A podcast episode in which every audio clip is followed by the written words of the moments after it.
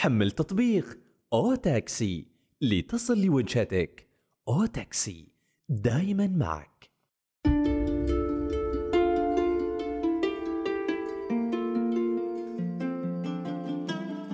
السلام عليكم ورحمة الله وبركاته.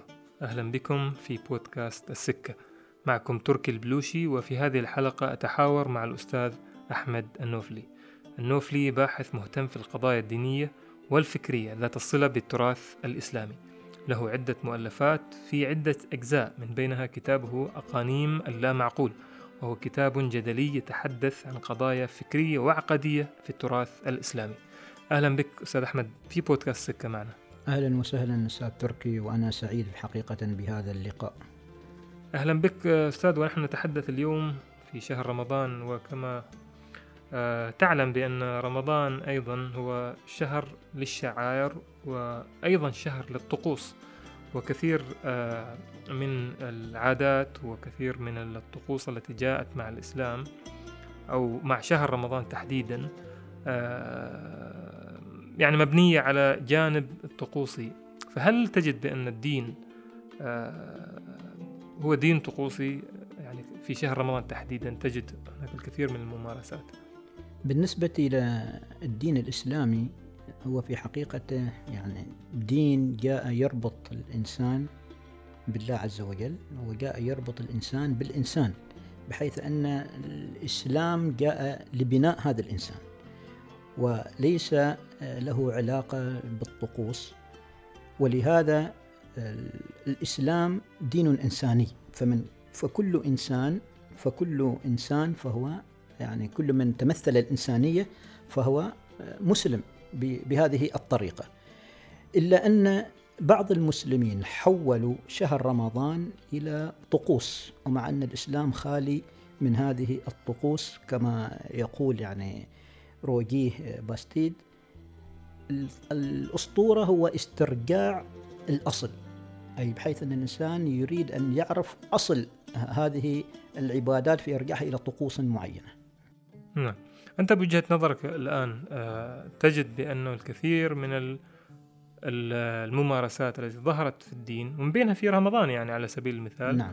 ك آه، هي سببها استرجاع الإنسان آه، لطقوس تاريخية ولأفكار تاريخية حتى ينسبها للدين لتشعر بالطمأنينة أم تشعر بأن هذا الدين سببية معينة على سبيل المثال؟ نعم هكذا يعني كثير من العبادات التي يمارسها الناس آه، بطريقة طقوسية يريدون أن يرجعوها إلى موروث معين إلى أسطورة معينة فيربطوها بهذه الطقوس بينما آه، الإسلام خالي من الطقوس كما قلت وجاءت العبادات مباشرة من الله أوحاها إلى النبي محمد والنبي محمد عليه السلام مارسها وبالتالي جاء الناس يمارسونها كممارسة النبي محمد عليه السلام. في, ألو... في نفس الوقت تصورات الناس لهذه الطقوس التي يمارسونها في رمضان ورمضان خالي منها كما قلت. يعني لو جينا ننظر إلى الصيام إلى شهر رمضان. شهر رمضان الله عز وجل أخبر عنه بأنه شهر نزل فيه القرآن. ثانيا بأنه شهر شرع الله فيه الصيام. فقط. إلا أن الطقوس التي مارسها الناس أرادوا أن يرجعوها إلى العهد النبوي إلى عهد أسلافهم. وكل يدعي آه، سلفه مع كل المدارس الإسلامية هي سلفية وكل يعني لها سلفيتها. يعني لو جئنا مثلا إلى المدرسة الإباضية يعني فيها جزء سلفي يعني جزء منهم سلفية يرجعون كل شيء إلى الأسلاف. إذا جئنا إلى المدرسة السنية نفس الطريقة المدرسة الشيعية بنفس الطريقة. بينما الإسلام حينما تعامل مع رمضان تعامل وفق معنى. يعني يريد أن يوصل الإنسان من خلال هذا الصيام إلى معنى وهو التقوى. يعني هذه قيمة التقوى هي قيمة إنسانية. بينما الناس لا يمارسون يعني لا أقول كل الناس وإنما البعض يمارس الصيام ليس على أنه من أجل التقوى وإنما من أجل أن يمارس هذه الطقوس. هناك أمثلة على هذه الطقوس. من ضمن هذه الأمثلة لنأخذ مثلا مثال آه، ليلة القدر. تجد يعني القرآن تحدث عن ليلة القدر وبين بأن هذه الليلة هي ليلة أنزل فيها القرآن وتنزلت فيها الملائكة وانتهت. يعني ليلة لا تتردد كل عام. بينما الناس الآن في كل رمضان يعني يمارسون الاعتكاف الجماعي يمارسون الاحتفاء بليلة القدر بصورة جماعية يتخيلون أشياء وهمية كنزول الملائكة وكغيرها من الأمور. هذه لم يأتي بها الدين الإسلامي بتاتا وإنما هي فقط آه، هي هذه يعني الطقوس التي يمارسها الناس. خذ على سبيل المثال أيضا صلاة التراويح. صلاة التراويح وإن كانت المدارس الإسلامية مختلفة فيها هل هي يعني سنة أو ليست بسنة؟ النبي محمد عليه السلام لم يصلي التراويح والله سبحانه وتعالى أمر النبي محمد بأن يتهجد وكان الرسول عليه السلام يتهجد في منزله بمعنى أنه كان يتنفل يصلي نافلة في منزله. بينما الناس حولوا هذا التنفل الذي في المنزل إلى صلاة تراويح ويجتمعون عليها ولها دعاء معين. إذا تحولت من عبادة بين العبد وبين ربه إلى طقس معين يستعدون له من بداية الشهر وإلى نهاية الشهر. نعم.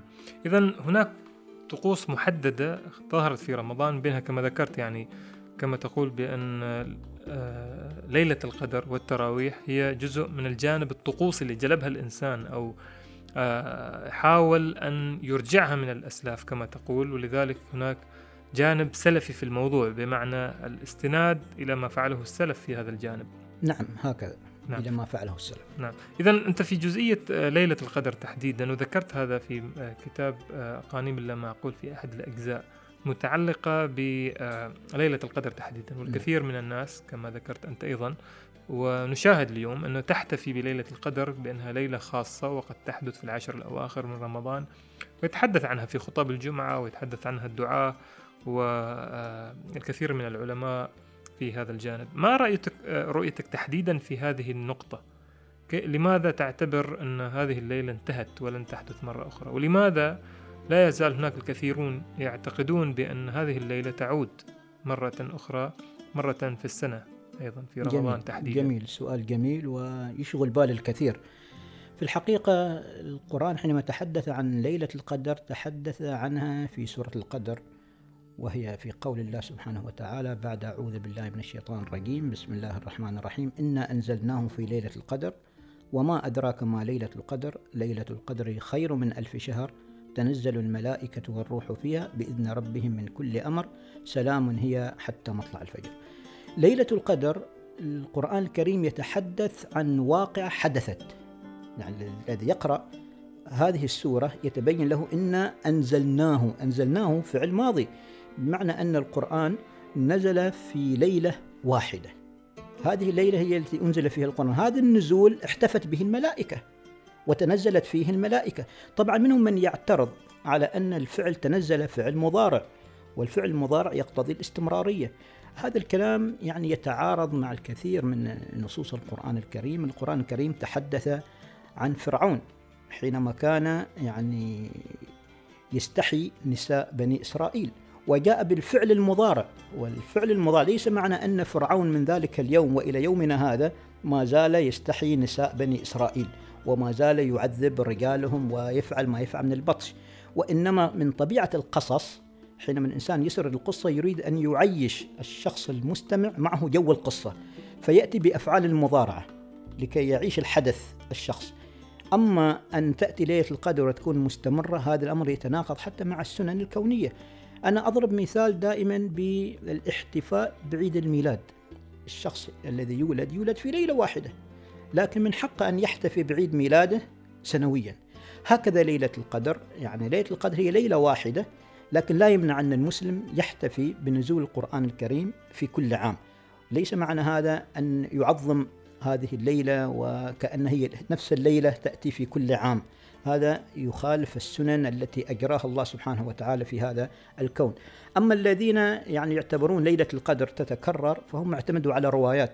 هذه روايات كثيرة جدا حتى بلغها ابن حجر العسقلاني في حدود 46 رواية أو أكثر من ذلك. أنا حينما بحثت عنها وجدتها أكثر من 46 بل أكثر من 47 قولا حول تعدد ليلة القدر.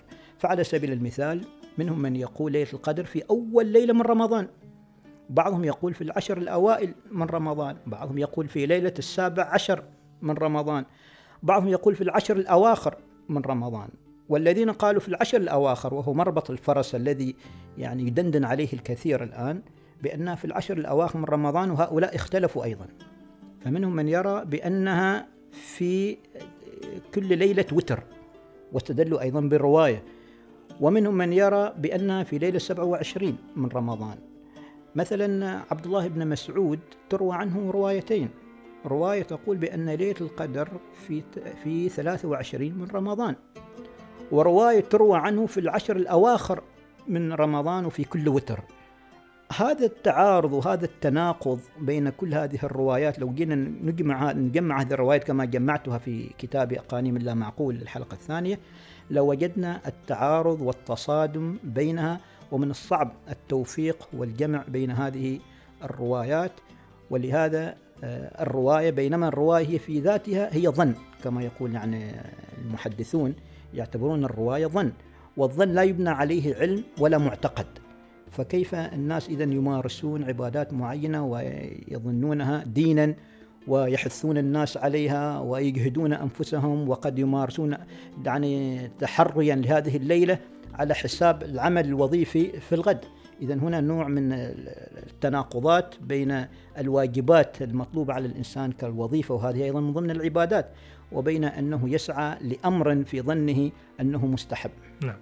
هناك آه، نقاش أيضا أستاذ أحمد حول موضوع آه، التدين كشكل من أشكال آه، في الجانب الشكلي تحديدا. نعم. وكما ذكرت الجانب الطقوسي يعني بمعنى بأنه الالتزام يكون على العبادات والممارسات البدنية للشعائر والممارسات اللفظية للشعائر. في حين هناك القيم تبدأ تختفي من المجتمع. وذكرت في السابق بأن هناك الكثير من القضايا بدأت تتزايد في المجتمعات ورغم أنها متدينة. يعني تحدث قضايا مد... آه، كثير من القضايا تشهدها المحاكم قضايا مدنية وقضايا جزائية وقضايا أيضا جنائية. في حين أن هناك في وهي تظهر في مجتمعات تتصف بأنها محافظة وبأنها متدينة ملتزمة بالدين وبشعائر الدين. ما مرجع ذلك بوجهة نظرك؟ في الحقيقة هذا الأمر يرجع إلى أن آه، غابت القيم في المفاهيم مع لدى مفاهيم المسلمين. فعندما تغيب القيم والمعاني تحل مكانها الشكليات والوسائل. فنلحظ أن كثير من المسلمين كما ذكرت يهتمون بالوسيلة يهتمون بالشكل يهتمون بالمنظر ويتركون القيمة يتركون بناء الإنسان يتركون المعنى أو المعاني التي دعا إليها القرآن الكريم من خلال خطاباته. فعلى سبيل المثال لو جئنا إلى آه، ما ذكرت أنت الآن من حيث الأعمال يعني القضايا الجزائية والمدنية. هذه القضايا الإسلام اعتنى بها وأعطاها أولية. بينما لما نرجع إلى كتب الفقهاء طبعا يوجد جزء من كتب الفقهاء يتحدث عن هذه القضايا لكن لو جئنا من حيث العبادات مثلا لنأخذ أنا مثال أضرب مثال بالعبادات دائما. وهذا المثال يتعارض بين بين القيمة وبين الجدل حول الدليل. أنا أضرب مثال أولا بصيام رمضان لكوننا في شهر رمضان. يأتي الفقهاء يختلفون في هل المشرك مخاطب بصيام رمضان أو غير مخاطب بصيام رمضان.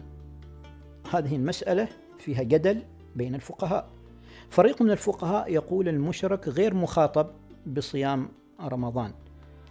ولهم أدلتهم. النقاش كله حول الأدلة. وفريق آخر يقول لا بأن المشرك مخاطب بصيام رمضان. طبعا يبنون عليها مسائل. الفتاوى والآراء الفقهية تخرج مسائل من من خلال هذا الخلاف. المسألة التي تظهر معنا الآن في مجتمعاتنا هي مسألة من كان لديه عمال يبنون منزل وهؤلاء العمال غير مسلمين وطلبوا منه طعام وشراب. هل يقدم لهم الطعام والشراب؟ الفقهاء الذين قالوا بأن هؤلاء مخاطبون بصيام رمضان أي مخاطبون بفروع الشريعة كالصيام والزكاة والحج لكن غير مقبول منهم لو صاموا وزكوا وحجوا. قال لا يجوز هؤلاء قالوا لا يجوز أن تقدم لهم الطعام والشراب. فريق آخر الذين قالوا غير مخاطبين ولهم أدلتهم قالوا يجوز أن تقدم لهم الطعام والشراب. هم إذا الآن لو نلاحظ أنهم نظروا إلى الدليل إلى الأمور الشكلية وابتعدوا عن قيمة الإنسان. بينما ينبغي أن ينظر إلى قيمة هذا الإنسان. طيب هذا الرجل أو هذا العامل الذي يبني المنزل مات بسبب الجوع والعطش. من المتسبب؟ وهو قد طلبك أنت صاحب المنزل طلب منك طعاما وطلب منك شرابا وأنت لم تقدم له. إذا من يتحمل هذا الأمر؟ لو جينا من حيث الأدلة القرآن الكريم بنفسه يقول من أحيا نفسا فكأنما أحيا الناس جميعا. هذه النفس حتى لو كانت نفس حيوان سواء كانت نفس حيوان أو نفس إنسان ولو كان مؤمن طلب طعاما في نهار رمضان أيضا يقدم له الطعام. لأن الصيام يعني عبادة فردية بين العبد وبين الرب ولا دخل للناس الآخرين فيها. ولو كان مؤمن يجوز أن تقدم له الطعام. قد يكون لديه عذر قد يكون صاحب مشقة قد يكون مريض قد يكون مسافر. إذا هناك أعذار كثيرة. إلا أن الفقه أبعد هذه القيمة الإنسانية وأخذ ينظر في الأدلة الفقهية ويدور حولها دون أن ينظر إلى القيمة المدنية والإنسانية والجزائية وإلى آخره وهناك طبعا أمثلة كثيرة كالهلال والمواقيت نعم. وإلى وفي هذه النقطة تحديدا أستاذ أحمد يعني في هذه النقطة اللي هي متعلقة بأنه كيف يمكن للفرد أن يتعامل مع الأشخاص غير الصائمين تحديدا وكيف ينبغي أيضا أن نفرق بين ما جاء به القرآن وما جاء به الفقه أيضا. يعني هل يمكنك التوضيح على ماذا تستند في هذا تحديدا؟ في نعم. مسألة التعامل مع الصائم أو غير الصائم حتى. ومسألة هل يجوز أنه معاقبته وغير معاقبته أو حتى أن هناك شخص آه، أفطر آه، أو غير مفطر أو غير مسلم أصلا. يعني شخص غير مسلم ولا, ولا يعني ليس من آه، من شعائر الصوم مثلا. نعم. هل يجوز لك أن تقدم له الطعام من منظور إنساني والذي هو يدعو إليه الإسلام؟ يعني أو لا؟ يعني لما كيف يتم الاستناد على هذا؟ الاستناد على هذا الأمر يعني لأن تقدم له الطعام لو طلب الشخص طعاما. أولا إذا جئنا نستند إلى الأدلة وإن كنت أنا لست ممن يعني يعطي الأدلة ذلك الزخم لأن النظر إلى الأدلة يبقى هو النظر العقلي لدى الإنسان سواء كان نظر إلى الدليل بنظر عقلي تقليدي أثري أو نظر إلى الدليل بنظر عقلي حداثي. في النهاية يبقى هو نظر الإنسان إلى الدليل. الدليل لو جئنا إلى الدليل القرآن الكريم مثلا يقول وأما السائل فلا تنهر. ما يحدث الآن لو جاء جاء مسلم طلب طعاما من مسلم آخر في نهار رمضان. ماذا سيلاقي؟ سيلاقي نهرا ونزاعا. والآن ما يحدث أيضا إغلاق المطاعم. يعني في بعض الدول لا أعرف معنا في عمان أظن حتى في عمان يعني إجبار إغلاق المطاعم في نهار رمضان. هذا الأمر أصلا يتعارض تعارض صريح مع القرآن الكريم الذي يعني يعطي الإنسان حرية الاختيار. فهناك حرية الاختيار. إذا كان حرية الاختيار في الدين نفسه الدين نفسه فيه حرية الاختيار. لا إكراه في الدين. فمن شاء فليؤمن ومن شاء فليكفر. وعلى هذا على حرية الاختيار في الدين وحرية الاختيار في الإيمان القرآن لم يعاقب الشخص في الدنيا وإنما أخبر عن العقاب في الآخرة في الجزاء الأخروي وليس في الجزاء الدنيوي. في النهاية ما ينبني الآن مع الناس أنهم يبنون العقوبات في العبادات أو عقوبات دنيوية. لنأتي إلى الصيام فيه عقوبة ترك الصلاة فيه عقوبة كذا كذا إذا فعل فيه عقوبة. هذه العقوبات لم تأتي في القرآن الكريم بتاتا. بينما القرآن الكريم خير الإنسان في الإيمان خيره في الدين. هذا التخيير هو إشارة ودلالة على أن لا عقوبات في هذه الأشياء. نعم لو أن, لو أن الإنسان أراد أن يعاقب نفسه بنفسه فهذا الأمر يرجع إليه بذاته. نعم. ولا يكون هناك عقاب من شخص آخر. إذا أنت تجد بأنه هناك تدخل خارج عن النص لا يدعو إليه الإسلام. فيما يخص العبادات نعم. وتعاطي الفرد مع هذه العبادة. بمعنى أنك تقول بأن الصوم هي مسألة فردية لا ينبغي لأحد أن يعاقب أحد على أنه لا يصوم. نعم. وينبغي أيضا أنه لا تغلق المطاعم لأن هناك كثير من الجنسيات التي لا تصوم أيضا. بالفعل. ويعني تحتاج أنها تأكل مثلا وتشرب لأنها تشتغل أيضا خاصة إذا كان المسألة في الصيف تحديدا. بالفعل. أذكر آه، سافرت إلى كينيا في خمس سنوات أربع سنوات كذا. وصادف وأن شهر رمضان وأنا في كينيا في محافظة ماليندي. وهناك آه، المحافظة هذه فيها خلط مسلمين وغير مسلمين. مطاعم المسلمين مغلقة ومطاعم غير المسلمين غير مغلقة. أحد الأشخاص من معارفي عنده مطعم. فسألني في رمضان كنت ألقي درس عليهم في المسجد فسألني أحدهم يعني هل يجوز نفتح مطاعم في نهار رمضان؟ فقلت له. نعم جائز. أن تفتح مطعم في نهار رمضان شرعا يجوز. لا يوجد هناك مانع من الدين أن تفتح مطعمك ولأنك أنت الآن كسبك ورزقك من هذا من هذه التجارة. لكن يأتي شخص ويمنع شخص من هذا المطعم يعني إجبارا هذا طبعا طبعا مساءل أيضا يوم القيامة. هو مساءل لماذا يجبر هذا الشخص؟ إلا أن بحرية الاختيار أنت كشخص صاحب مطعم أنت مخير تريد أن تفتح أو لا تفتح الأمر يرجع إليك. هكذا. القرآن الكريم حينما تعامل مع هذه العبادات لنأتي عبادة الصوم عبادة الصلاة لم يجعل عليها عقوبات في تركها بتاتا وإنما العقوبات يعني اخترعها الفقهاء والمحدثون. نعم. هذا النقاش أستاذ أحمد يقودنا إلى نقطة مهمة إنه كيف يمكن النظر في البعد الغائب في ما يسمى العمل الصالح؟ وهذه نقطة ذكرتها أنت في الكثير من الكتب التي ألفتها. في مسألة العمل الصالح. كيف يمكن النظر في هذا البعد تحديدا من خلال ما تذكر؟ بمعنى أنه كيف يمكن للشعائر التي آه، يمارسها الإنسان المسلم آه، أن تؤثر على آه، رؤيته في التعامل مع الناس. بمعنى لو, ذك لو ضربنا مثالا على مسألة عمل الخير. نعم. هل تجد بأنه مثلا إطعام شخص عامل غير مسلم في نهار رمضان على أنه عمل خير لأنه أنت تساعد شخص في إنجاز عمله على سبيل المثال أو أنه في آه، آه، لحظة معينة تساعد رغم أنه يعني غير صائم. آه، هذه النقطة أيضا تقودني على مسألة اللي هي شكل العمل الصالح أيضا. هناك نمطية أصبحت فيما يخص العمل الصالح متمثلة في بناء المساجد وتوزيع المصاحف وبناء مدارس تعليم القرآن على سبيل المثال. في حين أن هناك الكثير من الفقر في بعض الأحيان والعوز والحاجة أيضا. آه، فكيف يمكن المواءمة بين هذين الأمرين من خلال فهم أفضل آه، وأكثر إنسانية وأكثر آه، يمكن القول بأنها قيمية في نعم. في العمل؟ بالفعل. نحن حينما ننظر إلى القرآن دائما المرجع الأساس لبناء العمل الصالح لدى المسلمين هو القرآن الكريم. القرآن الكريم يربط بين الإيمان والعمل الصالح. فلنأخذ على سبيل المثال سورة العصر والتي طبعا هي التي أنا بنيت عليها كتابي الموسوم بالبعد الغائب من مفهوم العمل الصالح سورة العصر أنموذجا آه، سورة العصر الله سبحانه وتعالى يقول والعصر إن الإنسان لفي خسر إلا الذين آمنوا وعملوا الصالحات وتواصوا بالحق وتواصوا بالصبر. نجد هذا الربط بين الإيمان والعمل الصالح. نجد الربط أيضا في آيات أخرى بين الإيمان والتقوى بين الإيمان والاستقامة.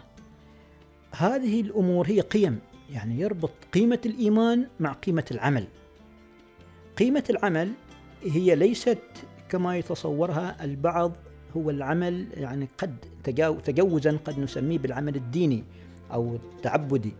وكما ذكرت من الأمثلة في كالبناء المساجد طباعة المصاحف آه، بناء مدارس قرآن هذه أمور يعني موجودة. طبعا كل أمة هي بحاجة إلى معابدها ولا غنى عنها لكن ليس بصورة مبالغ فيها. ما يحدث الآن في مجتمعاتنا أنهم يبالغون في بناء هذه المساجد وتجد حتى أن البعض يتفاخر أن منطقتهم أو بلدهم فيها أكثر بلد تحتوي على مساجد لكن على حساب ماذا؟ على حساب الفقير على حساب مشاريع أخرى. أين المكتبات العامة؟ لو جينا ندخل بعض المساجد مبناية يعني 200 ألف 300 ألف 100 ألف وفي نفس الولاية تلك لا تجد فيها مكتبة عامة. وبينما المساجد يعني خذ لك على سبيل المثال في ولاية المصنعة الآن أكثر من 40 جامع لصلاة الجمعة من غير المساجد الصغيرة. هل نحن فعلا محتاجين لكل هذه المساجد على حساب ماذا؟ بينما كم حديقة لدينا؟ موجودة حديقة واحدة وهي حديقة فقيرة. لكن سيأتيك آه، أستاذ أحمد سيأتيك أحد يقول لك هل يمكن لماذا تقارن ب ببناء المساجد بناء بيوت الله بإنشاء الحدائق والمكتبات العامة؟ نعم جميل. سؤال جميل. هذا ينبني على ماذا؟ ينبني على قيمة الإنسان. نحن علينا أن ننظر إلى قيمة الإنسان. لماذا بنينا المسجد؟ للاهتمام بمجال العبادة.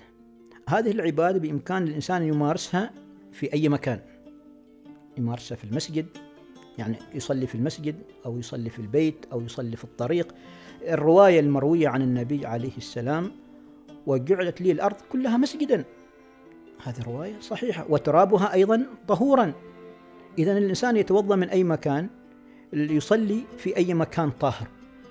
لكن تعال إلى الحديقة أو المكتبة. المكتبة أنت تبني فكر تبني قيمة إنسانية. الحدائق فيها تربية تربي الأبناء يعني تروح عن نفوسهم تقيم فيها مشاريع للأبناء مسابقات وإلى آخره وهذه الأشياء. في نفس الوقت أيضا هناك يعني من يعترض أيضا كما ذكرت هذا الاعتراض هناك من يعترض يقول لك يا أخي أنا كيف أبني يعني أروح أبني حديقة وأترك بناء المسجد؟ بناء المسجد أكثر أجر. المشكلة هم ينظرون إلى قضية الأجر والثواب. يعني كثير من الأمور ربطت بالأجر والثواب.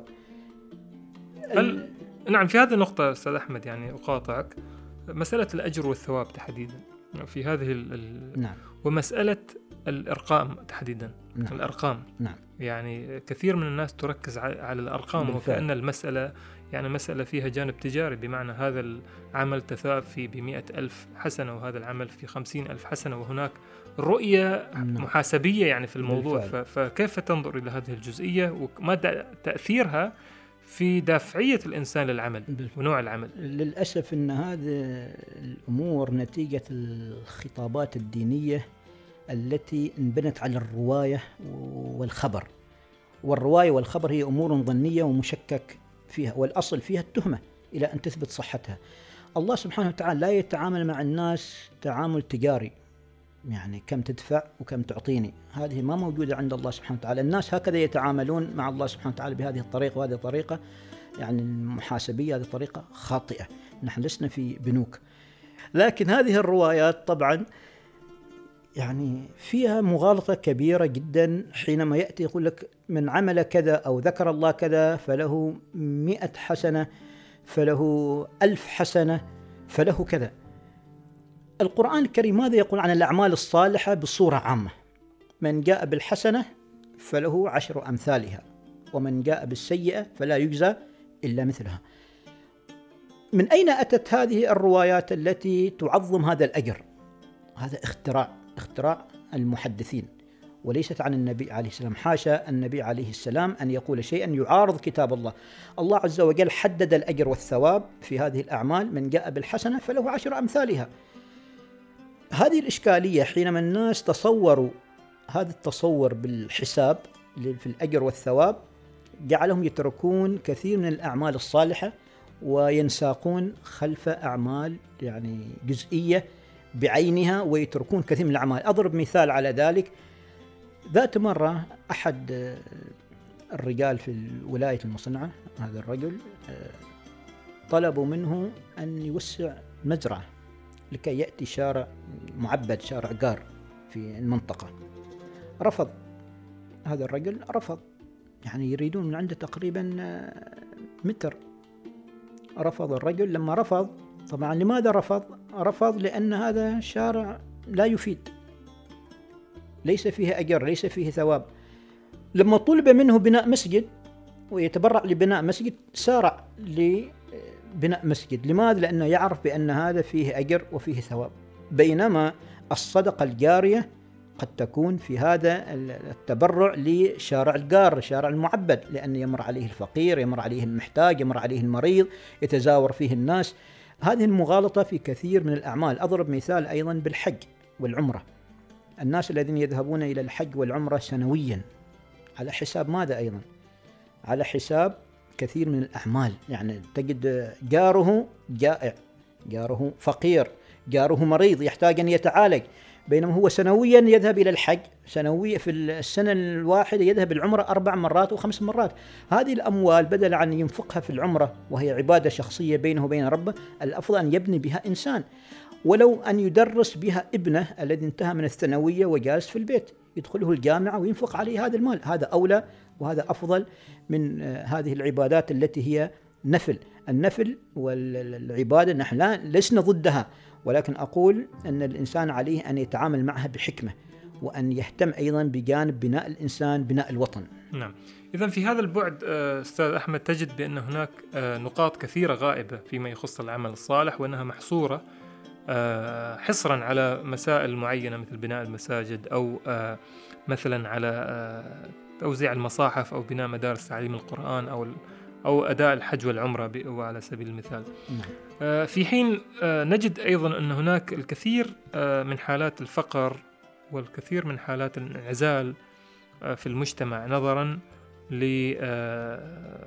يعني لكثير من الناس الذين لا يملكون حتى يعني بيت جيد للسكن.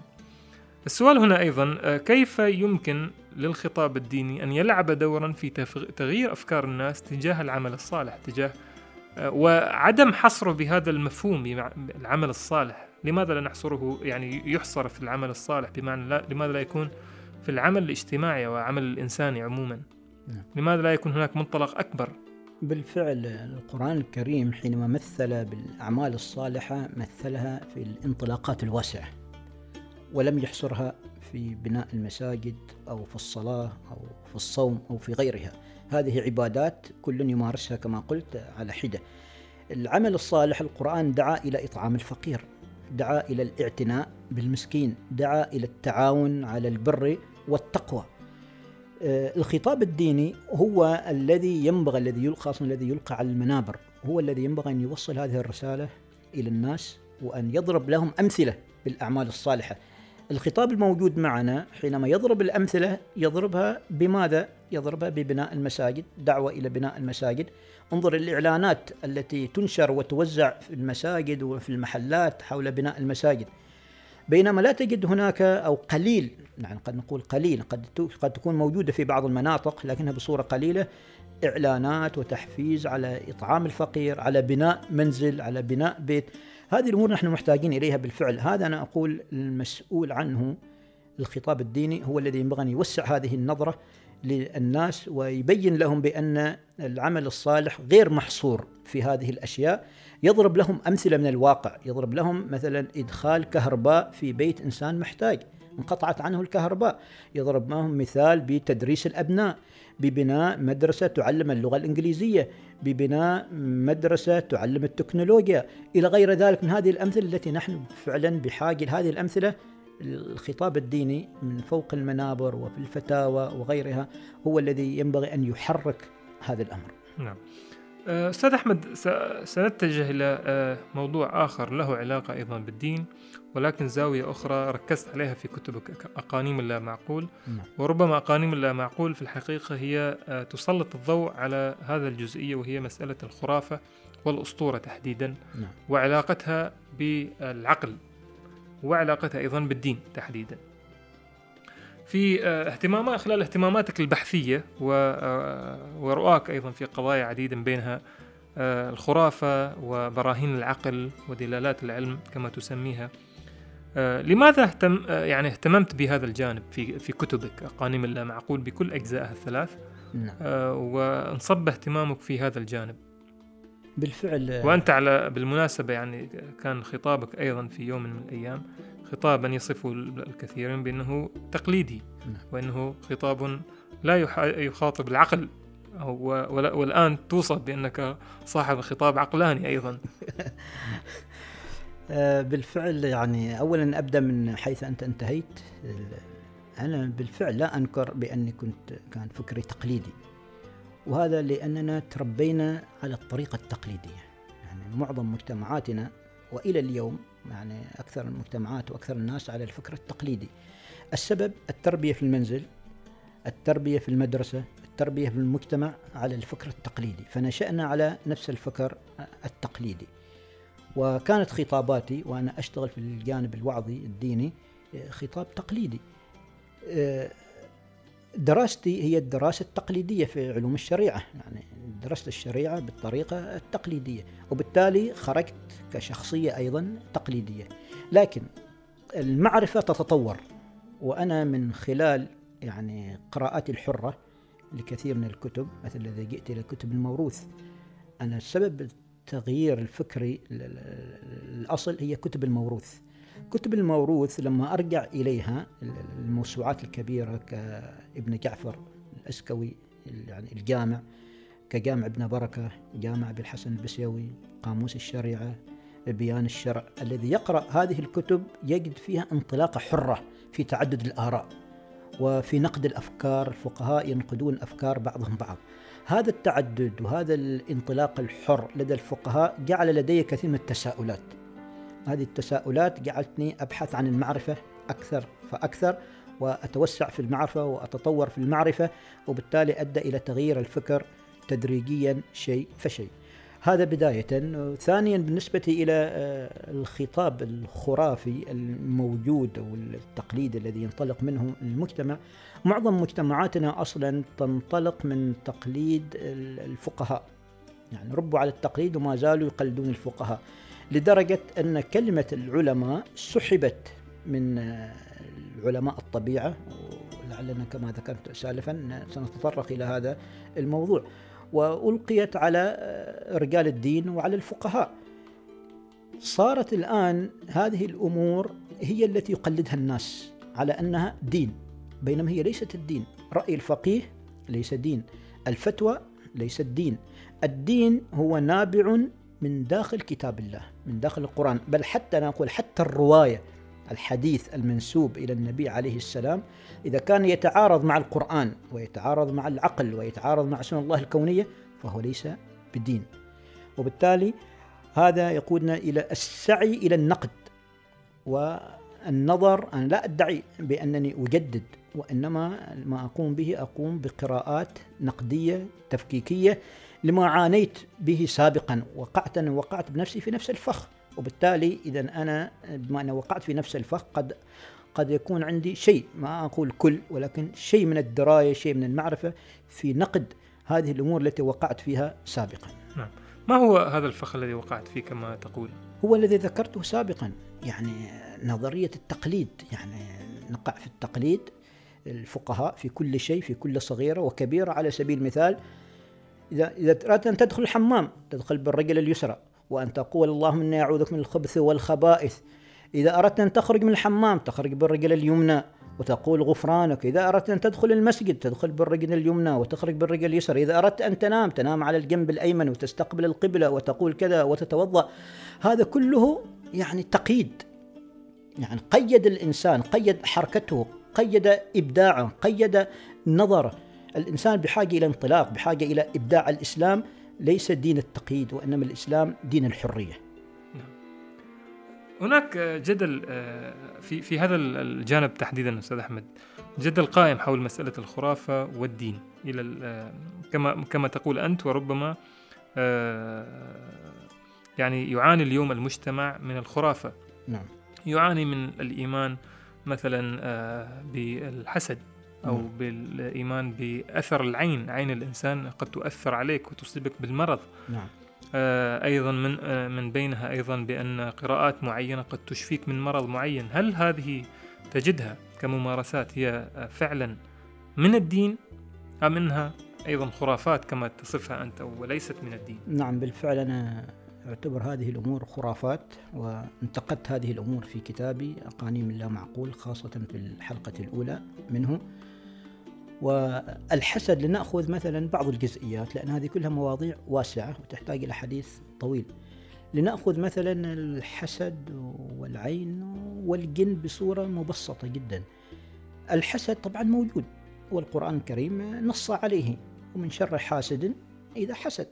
لكن الحسد والفقهاء بأنفسهم عرفوه بأنه تمني زوال نعمة الغير وهذا التعريف صحيح. حينما يتمنى الإنسان زوال نعمة الغير هذا يعتبر حسد. والقرآن الكريم قال للمشركين قل موتوا بغيظكم بسبب الحسد. لكن هذا الحسد لا يتحول إلى أمر خارق فيسقط الصحيح مريض ويقلب السيارة ويحدث أشياء كثيرة. يعني الحسد ليس بهذه الطريقة. أضرب مثال لو أن شخص طالب دراسة يدرس وعنده زميله. زميله يحسد الطالب المجتهد. حسده لا يؤثر على الطالب المجتهد إلى أن يمارس فعلا يعني ماديا لكي يؤثر عليه. فمجرد حسد في ذاته لأن هذا الطالب مجتهد قل موتوا بغيظكم واصبر على كيد الحسود فإن صبرك قاتله النار تأكل بعضها إن لم تجد ما تأكله. لا يؤثر على المحسود. متى يؤثر على المحسود؟ إذا قام هذا الطالب مثلا بتضييع وقت هذا الطالب المجتهد أو قام بحرق كتبه. نعم. هنا تحول الحسد من القلب إلى عمل. إذا أنت تربط آه هذه الجوانب متعلقة بالحسد وبتعلق أيضا آه, آه، يعني يتحول مسألة الحسد من شيء معنوي في القلب نعم. إلى فعل. إلى فعل. هو قد قد يتحول إجرام يعني جريمة. نعم يتحول إلى جريمة بالفعل. نعم. هذا هي ما, ما تريد أن نعم هذا هذه النقطة التي أريد أن أوصلها. نعم. في نفس الوقت أيضا آه، العين. العين غير مذكورة في القرآن. ولا حقيقة لها آه، بتاتا مما يطرحه الناس الآن وإنما هي ربط بعقائد الوثنية. أن الإنسان مجرد عينه يسقط الآخر مريض. مجرد ما نظر إليه يفعل كذا وكذا وكذا. هذا غير صحيح جدا. النظر إلى الجن. الجن يعني أنا لي رؤية سابقة في كتاب الأقانيم حول الجن على أنهم مخلوقات آه، غيبية ولا نعلم عنهم إلا ما ذكره الله في كتابه فقط. أما تصورات الناس حول الجن بأنهم يتحولون وأنهم يدخلون في جسم الإنسان وأنهم يسببون له كذا وأنه وأنه ممكن الشيخ يعني يلتقي بالجن ويتعامل معهم هذه كلها داخلة في مجال الخرافة.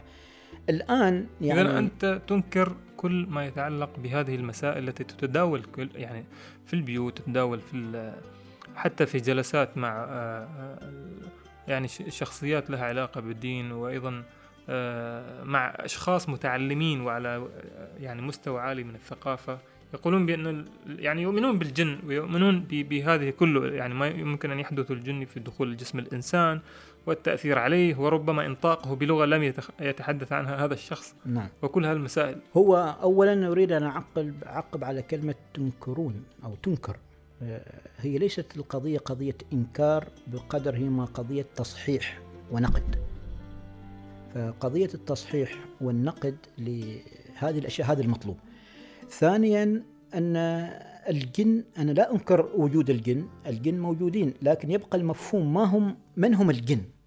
أنا أنظر بأن الجن ليست يعني سابقا كما قلت في كتابي يعني قلت بأنهم مخلوقات غيبية. أما الآن لا. أقول الجن هم من الناس بأنفسهم. الناس الذين يتخفون ويعملون الشر خفية ويمارسون الفساد خفية لأن كلمة جنة هي بمعنى الخفاء. وبالتالي هؤلاء هم الذين يمارسون. بينما الشيطان هو الإنسان المتشيطن شهارا علنا يمارس الفساد. هذا شيطان. بينما الجن هو الذي يمارس الفساد خفية وبالتالي هؤلاء كلهم من داخل من داخل البشر وليس من خارج البشر. آه، بالنسبة إلى الذين يعالجون سواء يعالج بالقرآن يعالج بغيره هذه غير موجودة يعني في الدين الإسلامي بل مستوردة حتى من الأديان الأخرى. مستوردة من الأديان. طبعا نسبت روايات بعض بيقول ها والله موجود في الإسلام والنبي محمد كان يمارس وكان يرقي المريض. هذه روايات منسوبة إلى النبي محمد عليه السلام. وقد تكون أيضا صحيحة ومقبولة بسبب أن الرسول عليه السلام يعني يمارس العلاج الموجود في بلده وفوق ثقافته وفوق مجتمعه. الآن الطب تطور. النصارى اليهود يمارسون العلاج في معتقداتهم الذين الذين يعتقد منهم بأن الجن أيضا يدخل في جسم الإنسان يقرون عليه الإنجيل وأولئك يقرون عليه التوراة ويقول خلاص شفى وتعالج. وأنا بنفسي رأيت يعني في تنزانيا رأيت القسيس يقرأ على مريض في الكنيسة الإنجيل وباللغة السواحلية وشفى يعني هذا الأمر يحدث. يعني إذا كيف نحن نقول لا يتعالج إلا بالقرآن؟ والنصارى يقول لا يتعالج إلا بالإنجيل واليهود يقول لا يتعالج إلا بالتوراة. إذا أنت تجد أن كل آه، آه، آه، يعني كل ديانة تجد بأن نصها يمكنها معالجة هذا أو أو هذا النص الديني يمكن أن يعالج شخص ما مثلا. لا هو لا يعالج. هو لا يعالج. هم يتصورون بأنه تعالج.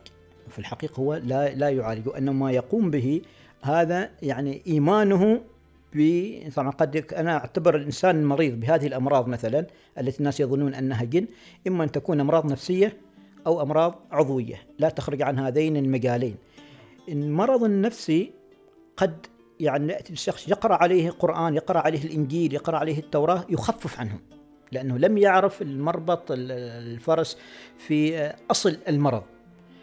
أنا أضرب مثال ذات مرة اتصل بي أحد الطلاب بأن أخته مريضة من أحد الولايات وقال لي تعال وأريدك تقرأ عليها. قلت له يا فلان أنا ما أعالج ولا أقرأ ولا أعرف هذه الأشياء.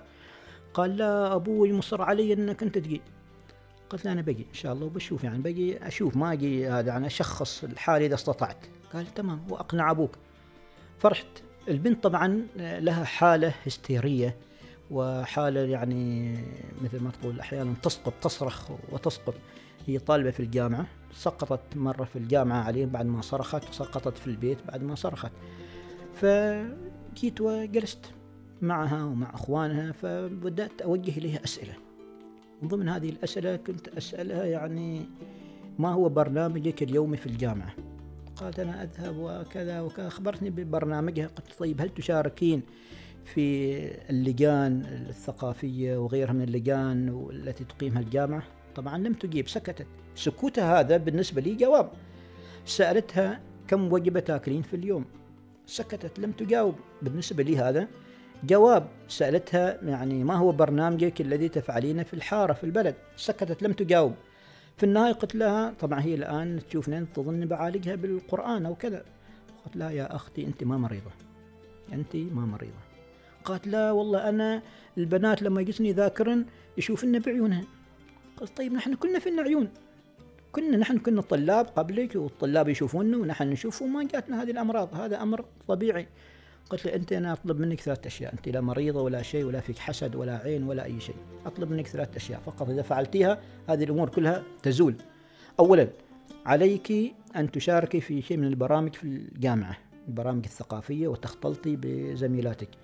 ثانيا عليك أن لا تأكلين يعني ثلاث لقمات في البيت. هي تأكل ثلاث لقمات وقت الغداء لا تأكلين ثلاث لقمات فقط. عليك أن تأكلي ثلاث وجبات.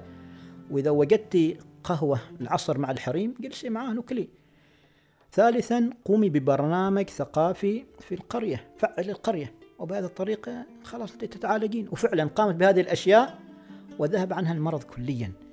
ما يحدث الآن يعني الذين يعالجون مثل هذه الحالة يقرأ عليها القرآن يقرأ عليها المعوذات يقرأ عليها الدعاء. هو بدل أن يعالجه هو يرسخ المرض ويرسخ الفكرة.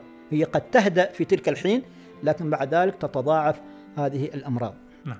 لماذا تمهي هذه الأشكال أستاذ أحمد التي تسميها خرافات على ثقافة المجتمع اليوم؟ يعني بمعنى أن يعتقد الشخص بأنه أصيب بعين أو حسد. لماذا لا تزال مهيمنة حتى مع الأشخاص الذين من المفترض أن يكونوا في آه، آه، مستوى معين من التعليم والمعرفة والثقافة. هل تجد بأن المجتمع هو رهين يعني للتراث وللأساطير والخرافات؟ نعم.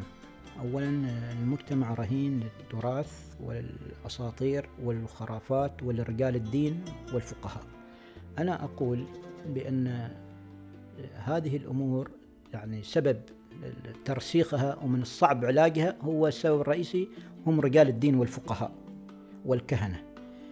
لأن هؤلاء بدل عن يزيلوا هذا الأمراض هم يرسخوها ويثبتوها أكثر. الخرافة معنا تنقسم لقسمين خرافة شعبوية يمارسها الشعب مثل الزار وإلى آخره وهؤلاء يحاربها رجال الدين.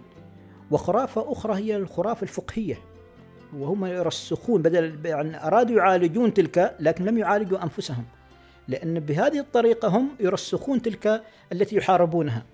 حينما ينطلقون من العلاج بالقرآن حينما ينطلقون العلاج بالأدعية حينما يقولون العلاج بالماء وبالمحو وبآخرة هم يرسخون هذه الثقافة وبالتالي من الصعب علاجها. لا أقول طبعا مستحيل ولكن تحتاج إلى زمن طويل بالتثقيف بالتعليم بالتدريس بالوعي.